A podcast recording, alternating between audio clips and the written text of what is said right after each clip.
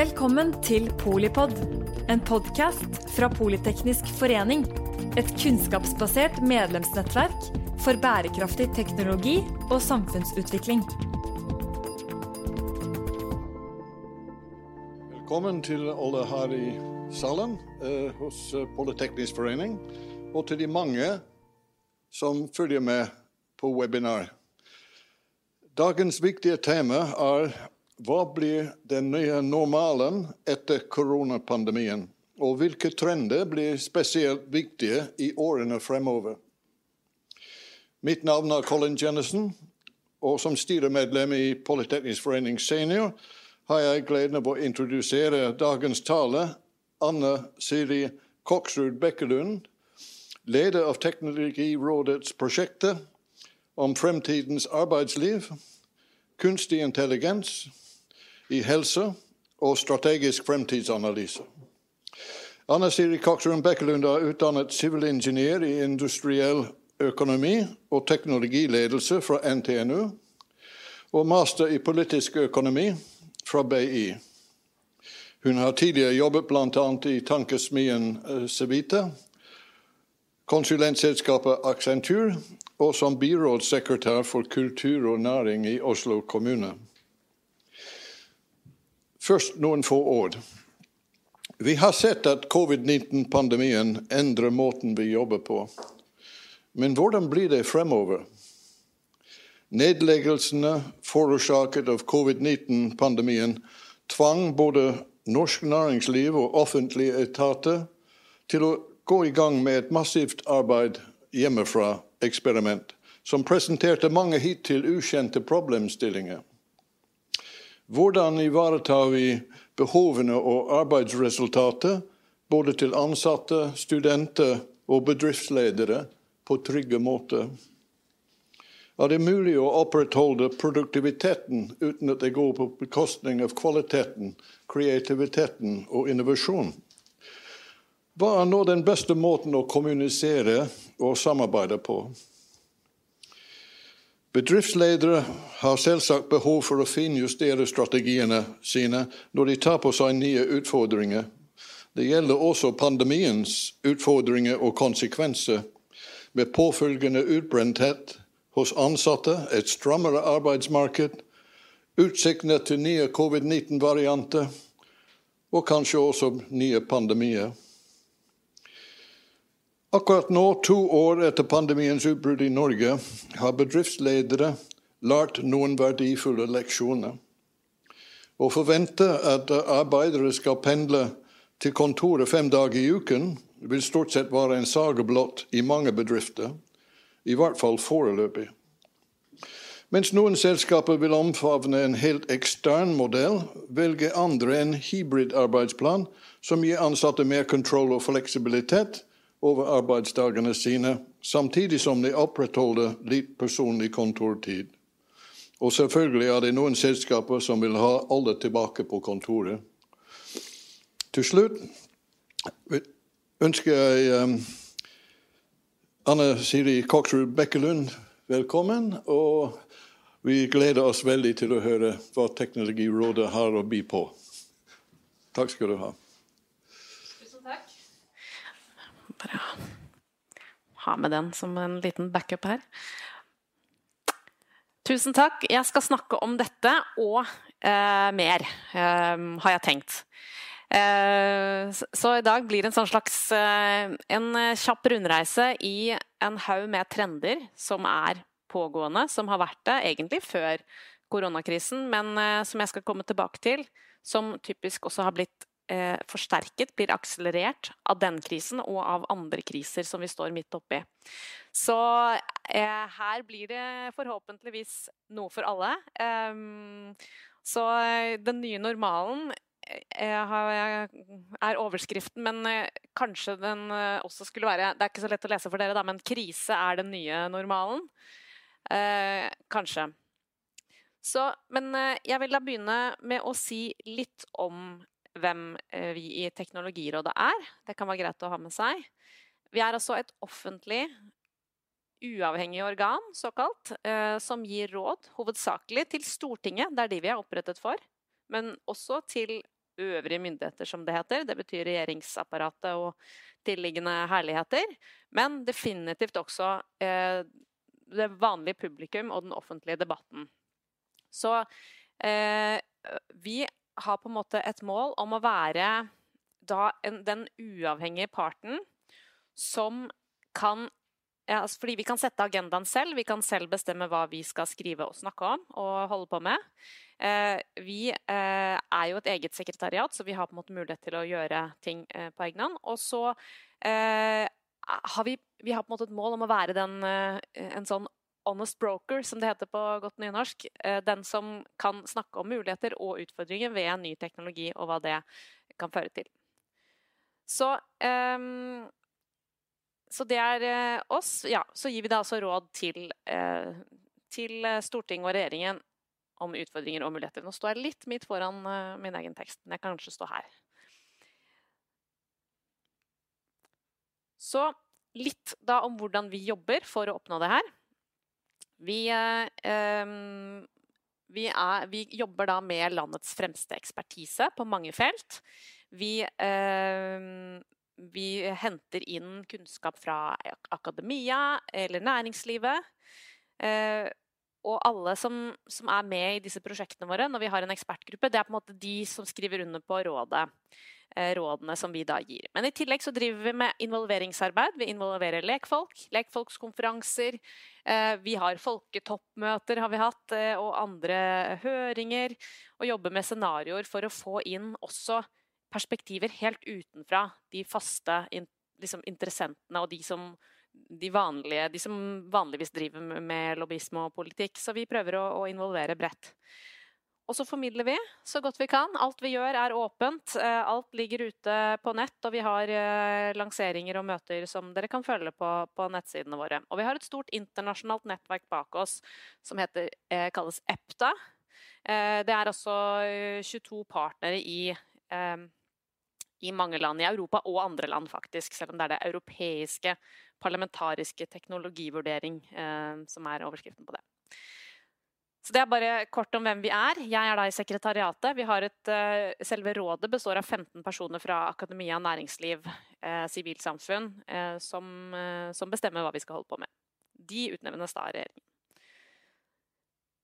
Men bare sånn til liksom grunntanken og litt det som ligger bak det vi skal snakke om i dag, eh, det handler om um, Kanskje litt vanskelig å se, men eh, det handler om at når vi skal beslutte politikk, eh, så må vi handle før vi har all kunnskap. Og det er sånn med nesten alle utviklingstrekk i samfunnet at i starten av et, en, en eller annen utvikling så vet du ikke så veldig mye om hvordan det kommer til å utspille seg, hva konsekvensene kommer til å bli, hvordan ting vil utvikle seg.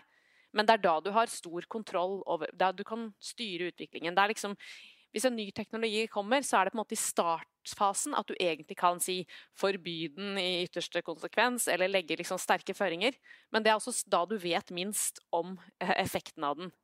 Mens når, måte, når tiden går, så vil du etter hvert vite mye om altså Evidence of impact står det oppe her. Da vil du vite mye om konsekvensene. Men muligheten til å kontrollere, possibility of control, den går ned. Så etter hvert så vil du ha mer kunnskap og mindre eh, innflytelse over utviklingen. Så det er et dilemma som man alltid står i når man skal lage og utvikle politikk. For, eh, og spesielt relevant for ny teknologi. Så det er liksom det vi prøver å være et sted midt, midt i. Det gjelder å finne det stedet der du kan vite noe eller ane noe om konsekvensene, og samtidig kan eh, ha en, en, grad av kontroll og, og, kunne gi noe faktisk at politikken kan virke. Så det er der vi prøver å være. Så er det altså eh, det vi har sett. Eh, nå, nå, har det altså gått to år siden eh, pandemien eh, brøt løs.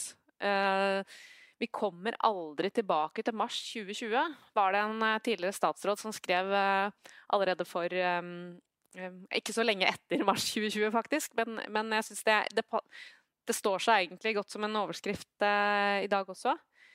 Um, det er på en måte Verden har endret seg, og det, og det går ikke an å spole den tilbake. Og det kan jo være passende Eller jeg vet ikke om det er passende, kanskje det er upassende også. Men, eh, men det er et sitat uh, fra en, en forhenværende statsleder uh, med litt tvilsom ja, en litt tvilsom statsleder. Men, men Lenin skal i hvert fall ha sagt at det er tiår der ingenting skjer, og det er uker der tiår skjer. Og det var sant i mars 2020, og det er, det, det er enda mer sant i mars 2022. Eh, så, så jeg, da, jeg, da, jeg, tok frem dette med før dette foredraget og, og tenkte på at det, det, er på en måte så Ja, det er, det er, veldig sant, spesielt nå. Fordi vi har jo opplevd eh, noen sjokk eh, de siste tiårene, da, for å si det sånn, som har hatt store og transformative konsekvenser. 9-11 var et sånt sjokk. Um, det var uh, et sjokk der man brukte terror med enkle midler og endret verdenspolitikken uh, på, uh, på, et døgn. Finanskrisen var også et sånt sjokk som, som endret veldig mye opp ned på veldig kort tid. Og så kom da koronakrisen, et lite virus fra et ukjent sted i, den gang ukjent sted i Kina, og endret alt på kort tid. Og så kom Russland og, og invaderte et naboland. Noe som veldig få hadde trodd at faktisk skulle skje. Og endret ja, eh, europeisk, norsk, eh, internasjonal politikk på eh, en uke eller under en uke.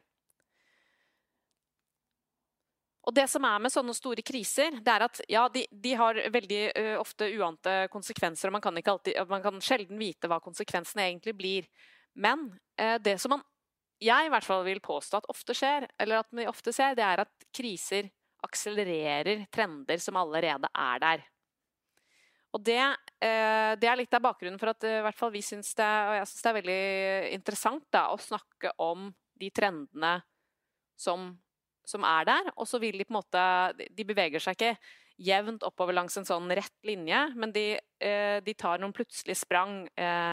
Eh, plutselig får du en sterk eh, akselerasjon, en slags katalysator for at noen av de trendene virkelig drar til og slår seg til. Så jeg skal snakke da om, om, noen av de trendene. Jeg har gjort et utvalg. Jeg kan også fortelle at vi gjør hvert, hvert år så legger vi frem i Teknologirådet for Stortinget Eh, et sett med trender som vi tror de må forholde seg til i løpet av det neste året. Eh, det har vi gjort i en del år. Og, og jeg har tatt en litt sånn miks av de siste par årenes trender som jeg syns er spesielt relevant eh, for, for temaet og for dette med den nye normalen. Så, men det finnes mange flere som man kunne ha snakka om. Men det, jeg kommer til å begynne med med ikke mindre enn syv. Så skal vi se hvor langt vi kommer. Så, så eh, jobben flytter hjem er på en måte den vi skal snakke om først. Automatiseringen skyter fart skal vi også komme innom. Så skal vi snakke litt om teknologikjempene, eh, fordi det er veldig relevant, også for arbeidslivet. Um, så skal vi snakke om eh, koronakrisen og, og eh, som et, um, en katalysator for et grønt skifte, kanskje Så skal vi snakke spesifikt om helsetjenestene, for det er jo et eksempel eh, på, på, endringen. Og så skal vi se om vi eh, tar en liten sving innom et veldig spennende felt som er kryptovaluta. Men det skal vi se om vi rekker. må jeg se litt på tiden. Og så skal vi snakke litt om politikken som vender tilbake til fremtiden.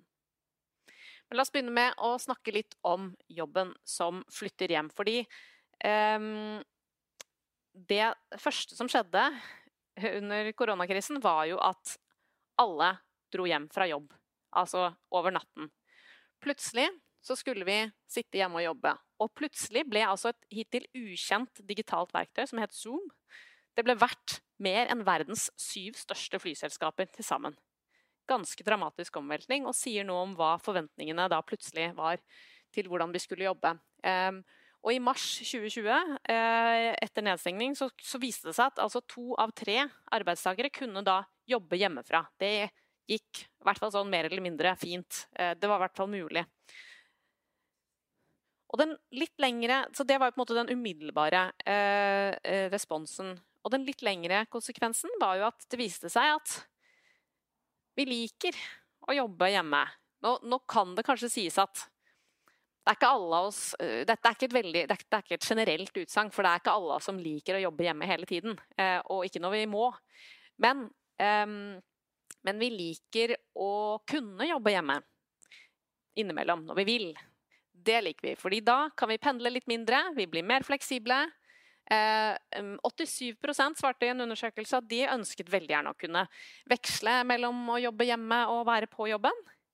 Eh, og det har jo vært mange eksempler på kommuner og steder som på en måte, både i Norge og internasjonalt, altså som, som, satser på de, de, som de kaller de digitale nomadene. Da, de som er aller mest glad i å jobbe hjemmefra. Som gjerne bare setter seg ned og jobber hvor som helst.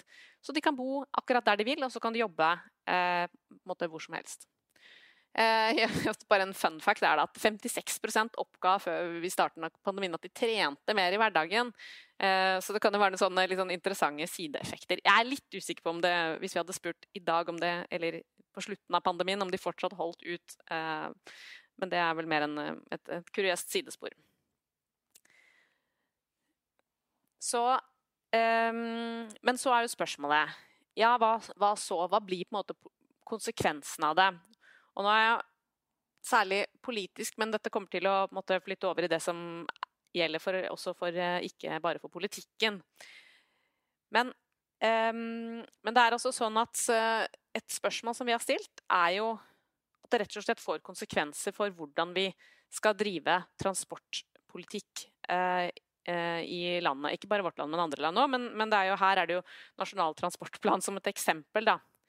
Eh, det er klart, eh, når antallet jobbreiser ble halvert, så, eh, så, det, så kunne det kanskje få en varig klimaeffekt. Men det ser ikke ut til nå at, at halvering er det realistiske tallet. Men, men, det som er Man kunne jo tenke seg at, at man likevel kunne kanskje klare seg med noe mindre veiutbygging, f.eks. Når, når det ble mindre pendling. Men det som, det som er helt tydelig, det er at kollektivtrafikken har fått seg en knekk. Én eh, ting er at vi kanskje kommer tilbake på kontor, men mange har jo også blitt vant til å igjen bruke privat eh, biltransport osv. Så, videre. så så det har fått noen litt sånn lengre konsekvenser, og det er fortsatt litt usikkert. Nå, nå er vi på en måte endelig tilbake på en sånn rimelig normal, så nå fremover vil det jo vise seg hvor er det egentlig vi lander. Og det eh, handler om hvor vi skal prioritere ressursene våre i samfunnet. Så er det jo det neste spørsmålet da Må vi eh, oppdatere arbeidsmiljøloven. For her kommer det som også ble snakket om innledningsvis. Eh, hvordan skal vi passe på de som jobber på hjemmekontor? Hvordan skal de kunne sørge for at de har det bra, måte, at alle krav og, og, hvem er det som har ansvar for at de har en, eh, en god en arbeidshverdag? Eh, det var, jeg vet ikke om det er rett å si at alle bryter arbeidsmiljøloven i dag, men det var i hvert fall veldig mye snakk om det da vi alle satt på hjemmekontor. At folk styrte tiden sin som de ville. De jobbet liksom litt når på døgnet som det passet dem. Eh, og alle måtte være sin egen HMS-ansvarlig. Så det er spørsmålet hvor, hvor mye ansvar skal du pålegge arbeidsgiver å ta? Eh, hvor mye skal du si at dette er tross alt noe som folk får styre selv? Eh, det er jo deres eget hjem.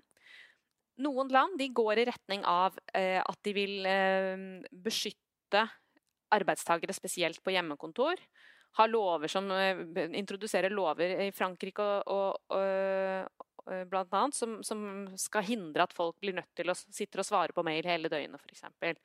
Eh, mens andre land de har gått mer i retning av at de vil legge til rette for at du skal ha en rett til å jobbe hjemmefra hvis du vil det. Så Tyskland har f.eks. gått mer i den retningen og ser på eh, om, om, det skal være en sterkere, altså det skal være sterkere grunner for at du ikke skal få lov til å jobbe hjemmefra. Og vi har jo sett diskusjonen her i Norge, spesielt i offentlig sektor, statlig sektor, at du skal kunne ansettes eh, uansett hvor du, eh, hvor du, bor, da. Men da er jo spørsmålet ok, Én ting er på en måte for en vanlig medarbeider, sånn, kanskje sånn som meg, da, som på en måte har sine prosjekter å holde på, men, men skal jeg også måtte finne meg i at min sjef, min leder, skal kunne bli ansatt fra et hvilket som helst sted i landet, og jeg bare får snakke med vedkommende på video. Det må man jo da ta stilling til. Så eh, Det siste man kan spørre om, det er jo skal, Vi har jo noen litt interessante regler om skattelette for hjemmekontor i Norge. så Det er jo litt mer sånn eh, spesielt. Men det er klart at det vil jo favorisere de som har stort hus og, og, og, gjerne, og mange rom, og kan sette av et eget rom til hjemmekontor. Mens, eh, mens de som ikke kan jobbe hjemmefra eller vil, de får ikke den fordelen. Så det er mer sånn Det kan være andre spørsmål der om hvordan man skal Hvilke, hvilke fordeler man skal gi eh, de enkelte. Så um, er det en annen trend som henger sammen med dette. Og det er automatisering. Automatisering eh, som skyter fart. For det som skjedde under pandemien, var, var jo at arbeiderne måtte gå hjem. Eh, men det viser seg at roboter de hoster ikke, de smitter ikke kundene dine. De må heller aldri i karantene. Eh, og det var en av de få Denne grafen her bare viser eh, hvilken eh, type altså Dette var import til USA, så den viser bare eh, hvilke eh, områder hvor man importerte eh, Hvor importen fortsatt vokste da, under pandemien. Og det var tre ting som altså, På topp så er medisinsk utstyr. Det er klart, Det gjorde det ganske bra under koronapandemien. Og nummer to var altså industriroboter som fortsatte å vokse, selv om nesten alt annet falt. Så økonomien fikk seg en skikkelig trøkk. Eh, eh, mens robot, industrielle roboter har holdt seg oppe. Og, og, til tross for hele pandemien og krisen så ble det solgt flere industrielle roboter i 2020 enn i 2019. Og, og tettheten, altså antallet industriroboter per arbeidstaker, fortsetter å, å vokse. Og hvis du ser på en litt lengre periode, en femårsperiode, så har det altså vært en dobling i det som heter tettheten av roboter. Så det, det, er, eh, det er, mye som tyder på at det, har, eh, at det er noe der, at det kan få noen varige konsekvenser. Ja, for vi har jo sett eh, eh, har vært inne på dette. Automatisering var jo Det var automatisering over hele linja. Vi eh, vi kunne ikke møtes fysisk. Eh, vi handlet på nett. Vi kunne ikke reise noe sted. Men i tillegg så var det jo en økonomisk krise som gjorde at mange så et sterkt behov for å effektivisere. Og eh, dermed så på løsninger som, som, roboter. Så hva betyr det, da? Jo, eh, en ting det kan bety for arbeidslivet, for økonomien vår, det er jo at eh, Isolert, da. Nå er det veldig mange andre ting som skjer samtidig. Men får vi endelig en produktivitetsvekst som egentlig har vært veldig etterlengta i flere år. Mange økonomer har snakket om ja, vi har fått uh, datamaskiner har vi hatt i 40 år, og, og, og, når kommer liksom den store produktivitetsveksten? Når er det disse maskinene skal komme og ta over jobbene våre sånn at vi blir mer produktive? Nei, kanskje det kan være, uh, kanskje det kan være nå. Det vet vi jo ikke ennå, det er litt for tidlig å si.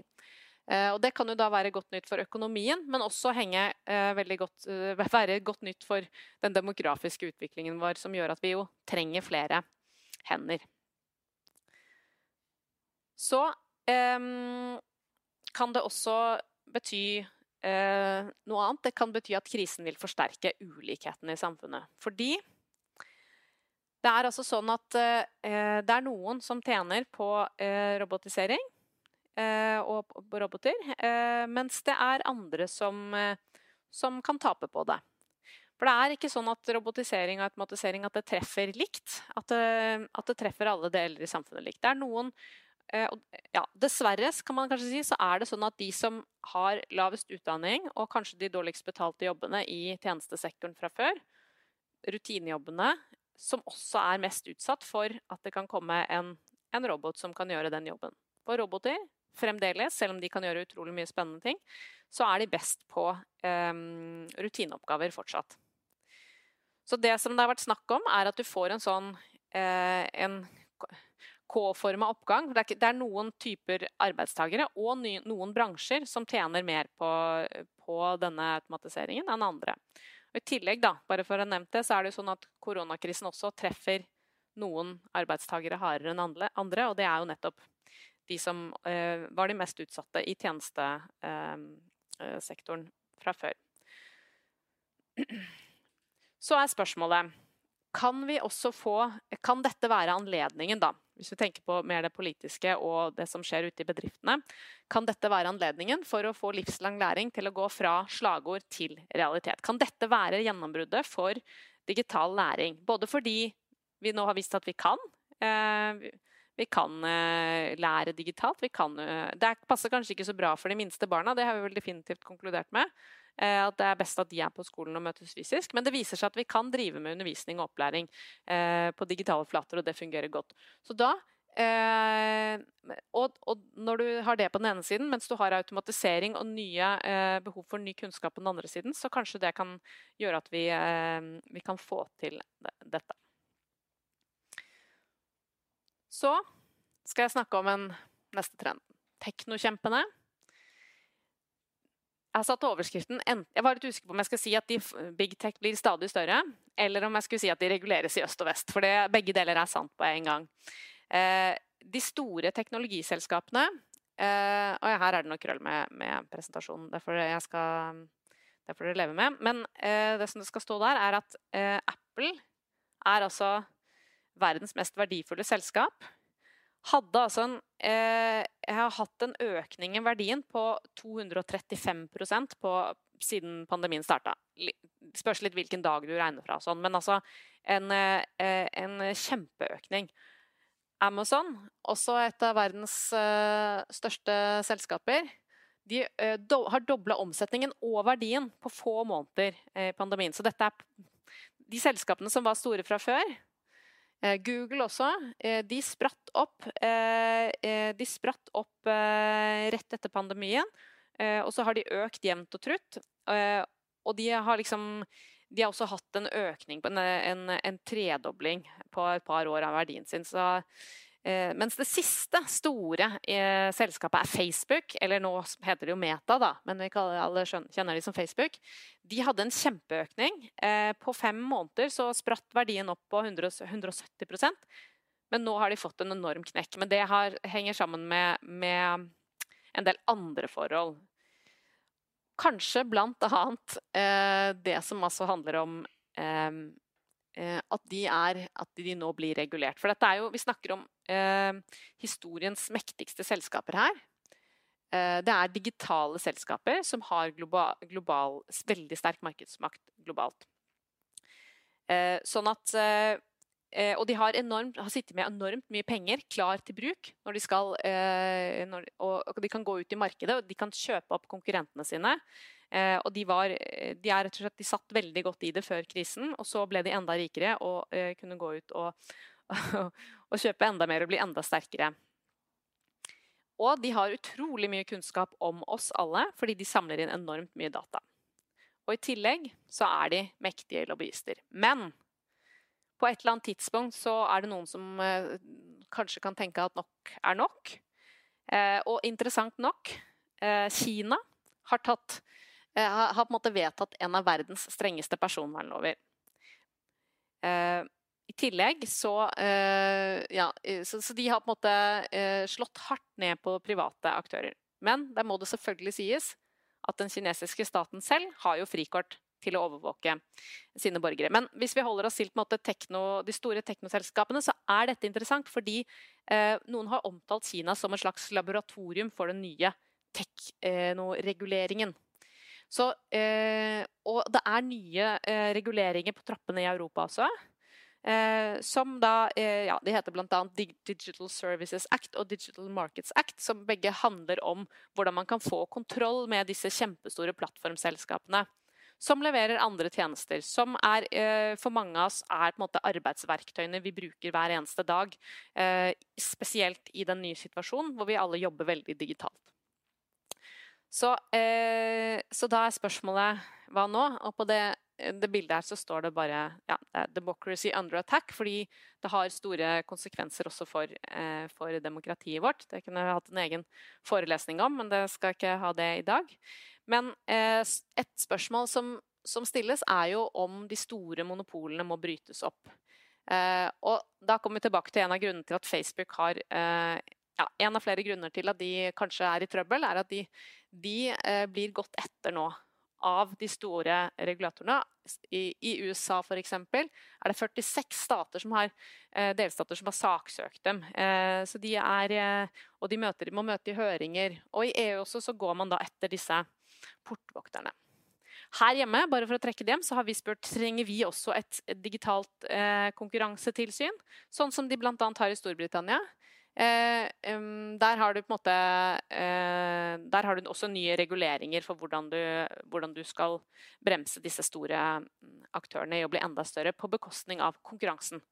Så, men Jeg skal ikke gå i detalj på det, men spørsmålet er om vi trenger sterkere virkemidler også her hjemme, eller noen som kan gå dypere inn i det. Og det siste spørsmålet er Vi med vår store offentlige sektor, kan vi gå først og være best i klassen? Kan vi eh, bruke innkjøpsmakt til å hindre at eh, Eller til å, til å, sørge for at vi, store, at vi velger de mer personvernvennlige løsningene? Og spesielt da hvis hele statlig sektor skal sitte på hjemmekontor og bruke digitale virkemidler. Så bare ta en liten titt på klokken, for tiden går eh, jo fort når man har det gøy. Så eh, da suser vi videre til en annen interessant trend. Eh, og det handler om eh, hvorvidt staten gjøre, eh, kan gjøre et grønt comeback. Fordi den umiddelbare konsekvensen av pandemien var jo et kjempestort utslippskutt. Dessverre så kom vi jo, kom vi jo tilbake mot normalen igjen ganske fort også når vi begynte å reise igjen.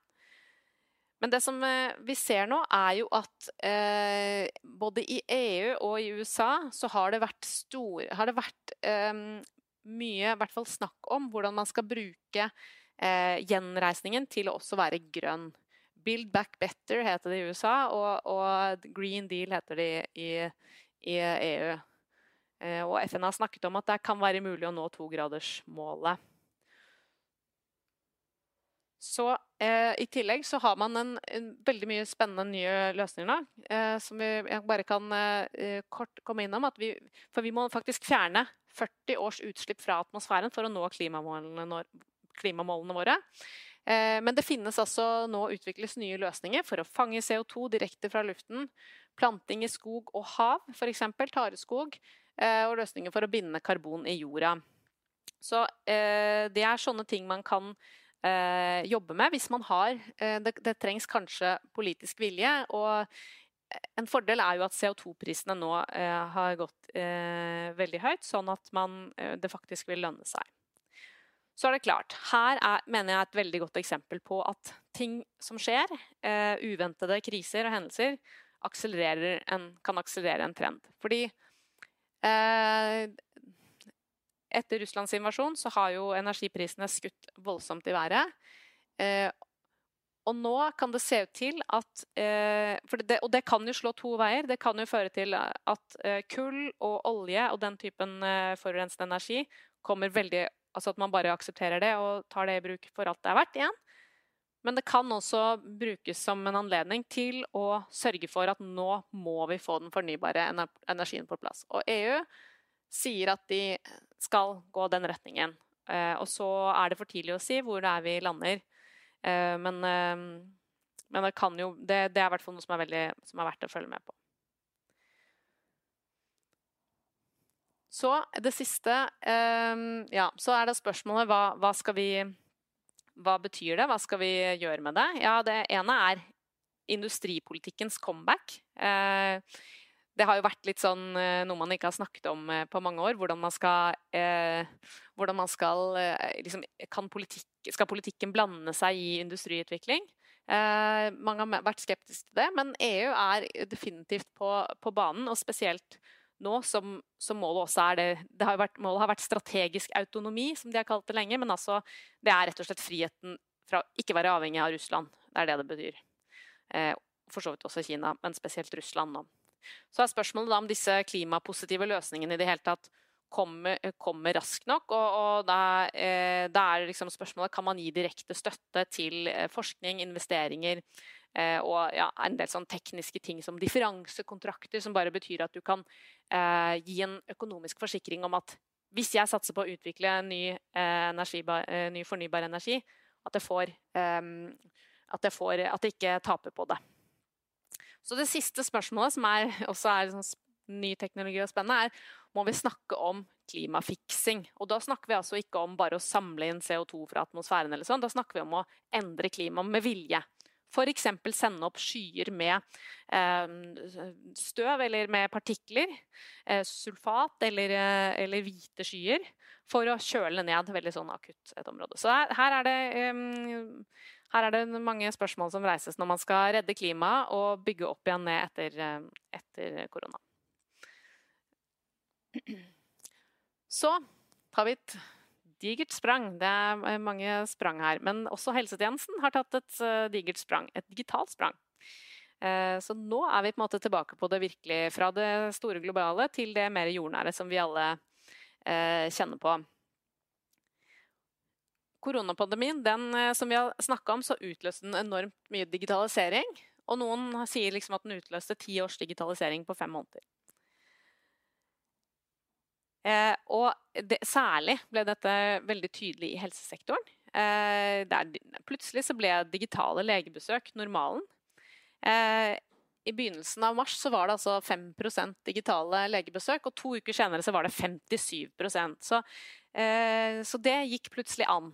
Eh, det hadde vært veldig vanskelig i mange år å få til, eh, men, men nå var det plutselig mulig. Og behandling har blitt flytta ut av sykehuset. Mange eksempler på det. Du trenger faktisk ikke alltid å dra til behandler for å få, eh, for å få det du trenger. Du kan få oppfølging hjemme.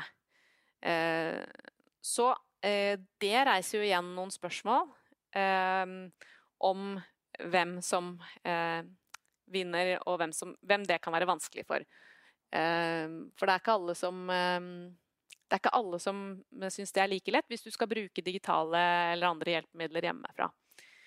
Eh, og det samme, eh, vi kan si at Digitale hjelpere har inntatt førstelinjen. Eh, det har vært en stor vekst i type chatboter og, og andre sånne digitale assistenter. Men det igjen er jo også da ja, og Helse Norge hadde en egen sånn koronasjekk på nett. Det var liksom den veldig enkle tingen de begynte med. Men det, det reiser jo noen spørsmål om hvem som fikser de digitale hjelpemidlene best, og hvem som eventuelt kan tape på det. Så da er jo spørsmålet skal man ha digitalt førstevalg også i helsetjenesten. Um, det kan jo være eh, gi raskere og bedre prioritering av pasienter. Lettere å få, folk raskt inn i rett behandling. Det kan være lettere for kronisk syke å få oppfølging. Eh, men det er veldig avhengig av da hvilke forventninger man har eh, til helsetjenesten og, hvem, eh, og hvordan det slår ut for ulike grupper i samfunnet. Og så er det et stort spørsmål, og det er hvilke rammer som trengs for eh, kunstig intelligens. Fordi eh, for at disse, alle disse hjelpemidlene skal bli smarte, at disse, eh, disse, robotene som du kan snakke med på nett, skal svare deg og, og si noe fornuftig tilbake, eh, så trenger du veldig mye helsedata fra oss alle for å lære de opp, rett og slett. Eh, og da er spørsmålet, når vi er i kontakt med helsetjenesten, skal vi da eh, akseptere at våre, eh, at våre helsedata som samles inn, at de brukes til andre formål enn bare å hjelpe oss. At de brukes til å utvikle ny teknologi. Og så kan, ja, kan, man spørre seg hvordan man skal ja, regulere alt dette medisinske utstyret. Men det tror jeg ikke går så dypt inn på nå. Men det viktigste der er å sikre eh, ansvarlig eh, utvikling, og at ikke vår tillit til helsevesenet eh, blir, eh, blir, skadelidende. Så eh, må jeg bare se litt på klokken og tro at vi skal gå ganske raskt gjennom den, eh, den neste trenden. Jeg vil bare si at kryptovaluta er et kjempespennende område. Det har det har virkelig tatt av under koronakrisen. Kryptovaluta er jo da Eh, rett og slett eh, en digital eiendel. Den finnes ikke noe sted fysisk. Det er, bare, eh, det er bare tall i maskiner. Men det er en måte å oppbevare verdier på. Eh, du kjøper det for penger, og så håper du at du kan ta ut igjen de pengene senere. At du kan oppbevare verdier, og du kan bruke det til å betale andre med. Ehm, det eh, er en teknologi som ble for så vidt et barn av finanskrisen. Det var noen som ikke stolte på sentralbankene, de stolte ikke på det eksisterende bankvesenet. Så de fant opp sin egen måte å sende penger til hverandre på. Eh, men der den ble altså skapt av finanskrisen, så ble det stort under koronakrisen. Så de siste eh, to årene så har vi da sett en tidobling av verdiene. Så nå er det snakk, verdiene det er snakk om her, er ca. 1,5 oljefond. Altså to billioner amerikanske dollar, så det begynner å bli ganske stort. Um, ja, og det er verdiene Men verdiene svinger veldig mye.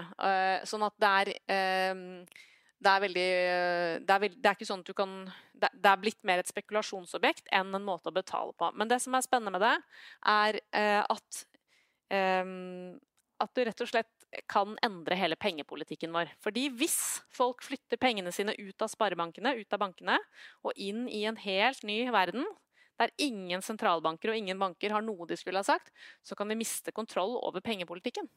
Så da har jo sentralbanker over hele verden funnet ut at kanskje de skal svare på dette. Og eh, en av de tingene de veldig mange sentralbanker nå utreder, er om de skal lage sine egne digitale sentralbankpenger.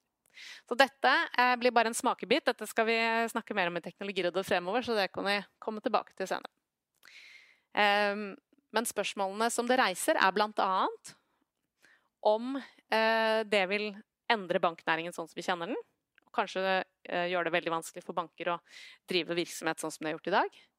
Kanskje det blir dyrere å utstede lån. Og det andre er skal det fortsatt være mulig å betale anonymt, sånn som du kan gjøre med kontanter i dag? Og hvor viktig er det for oss? Eh, store spørsmål på kort tid. Så spørsmålet grunnleggende er skal man jobbe for at dette eh, Skal vi prøve å få Norge til å satse på dette? Dette er noe vi skal gå for. Eller skal vi eh, være restriktive og tilbakeholdne og heller prøve å bremse utviklingen? Så skal jeg prøve å komme meg sakte og forsiktig tilbake til litt der jeg begynte. Og det er altså at med alle disse krisene og alle disse uventede hendelsene, eh, så ser vi en eh, endring der politikken på en måte retter fokus igjen mot fremtiden. Og det er illustrert Dette er et grått neshorn, da. For de som kjenner den eh, terminologien. Med sorte svaner så er jo det store og uventede hendelser som ingen kunne se komme.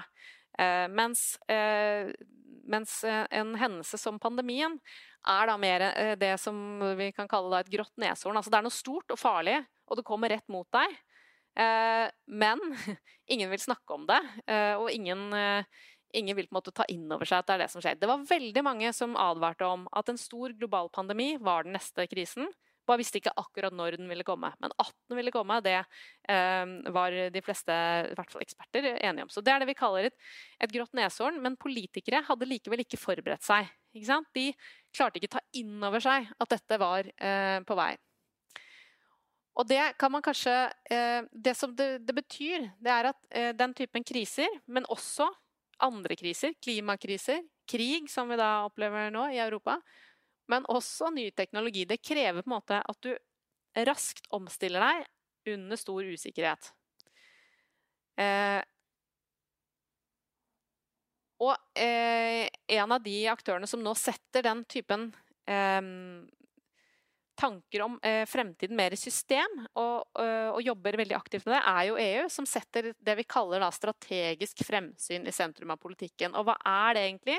Jo, det er på en måte de teknikkene du bruker for ikke bare å måte, prøve å beregne ved hjelp av en modell hva som kommer til å skje i morgen, eh, men prøver å se mye bredere eh, og ta inn mye mer sånn scenarioer, eh, type Eh, det som kalles da trendanalyser osv. Og her er det egentlig to veier å gå. Det ene er sånn type krisescenarioer og beredskapsscenarioer som plutselig er blitt veldig relevant nå om dagen. Der du prøver å finne ut hvordan du kan takle en krise som oppstår. Men den andre er den litt mer sånn positive, der du prøver å se for deg mange ulike fremtider og hvordan du kan komme dit. Altså, og den grunnleggende tanken bak det her er altså at disse matematiske modellene for å forutsi fremtiden fungerer godt når verden er litt kjedelig. Altså, da fungerer makroøkonomi ganske godt. ikke sant? Du kan se det blir omtrent litt mer neste år, og så kan du lage noen modeller og sånn. Men de modellene de bryter sammen når verden endrer seg brått over natten. Og da er jeg litt tilbake da, til dette med at um, det er uker der hvor tiår skjer. Uh, og da, det, er da, det er da vi kan få virkelig nytte av å bruke mer Um, altså litt mindre matematisk tankegang og litt mer uh, en, en, tankegang der vi åpner oss litt mer for at ulike fremtider kan skje. Og det viser seg at de som er flinke til det. Og dette gjelder både i politikken og i det private, og helt ned på individuelt plan. De er, eh, de er, rett og slett bedre til å omstille seg raskt, som er det vi kanskje trenger aller mest. Om det er fordi vi skal, plutselig skal på hjemmekontor, eller fordi eh, verden eh, og Europa plutselig er i krig. Så dette er også noe som er sterkt anbefalt eh, bl.a. fra OECD, at, eh, at land bør satse på nasjoner hele veien fra topp til bunn. Så da er spørsmålet for oss da, hvem, hvem, skal ha ansvaret. Kan tenke Politisk så er det spørsmålet hvor det ansvaret skal plasseres. Eh, på statsministerens kontor eller et helt annet sted. Um, eh, ja, og noen land, dette gjør land på forskjellige måter. Og det andre som kanskje er et, et politisk spørsmål, er liksom om, om perspektivmeldingene, som er veldig viktig i norsk sånn, politisk debatt, om den kanskje er litt gammeldags og trenger litt, uh, trenger litt, supplement. At man trenger rett og slett å, å åpne opp der og se litt bredere på, på, også på helt uventa, ta inn at helt uventede ting kan skje. Uh, og kanskje bør alle lovforslag fremtidssikres. Uh, selv om vi er ganske gode på utredninger i Norge, så bør vi kanskje være flinkere til å se lenger fram. Se for neste generasjon, eller se hvis noe uventet skjer. Og det tror jeg også er lærdommen for, for eh, private eh, aktører og, og alle, all samfunnsaktører, egentlig. At man må eh, åpne seg opp for eh, at det uventede kan skje. Og det er vel ingenting som er tydeligere og har vist Vi har lært de siste to årene. Hvis det er noe vi har lært, så er det jo at uventede ting skjer hele tiden. Så det, det uventede bør egentlig være ventet. Og, ja. og da er spørsmålet om eh, vi kan da akseptere at, liksom, at kriser, det er den nye normalen, og det må vi lære oss å leve med. Så jeg tror jeg gir meg der. Jeg har vel brukt opp tiden og, og litt til. Da har jeg gleden av å takke eh, Anne Siri for en meget interessant, informativ, tidsriktig og fremtidsrettet overblikk over våre utfordringer og muligheter. Tusen takk, Anne Siri. Takk for at du lyttet til Polipod fra Politeknisk forening.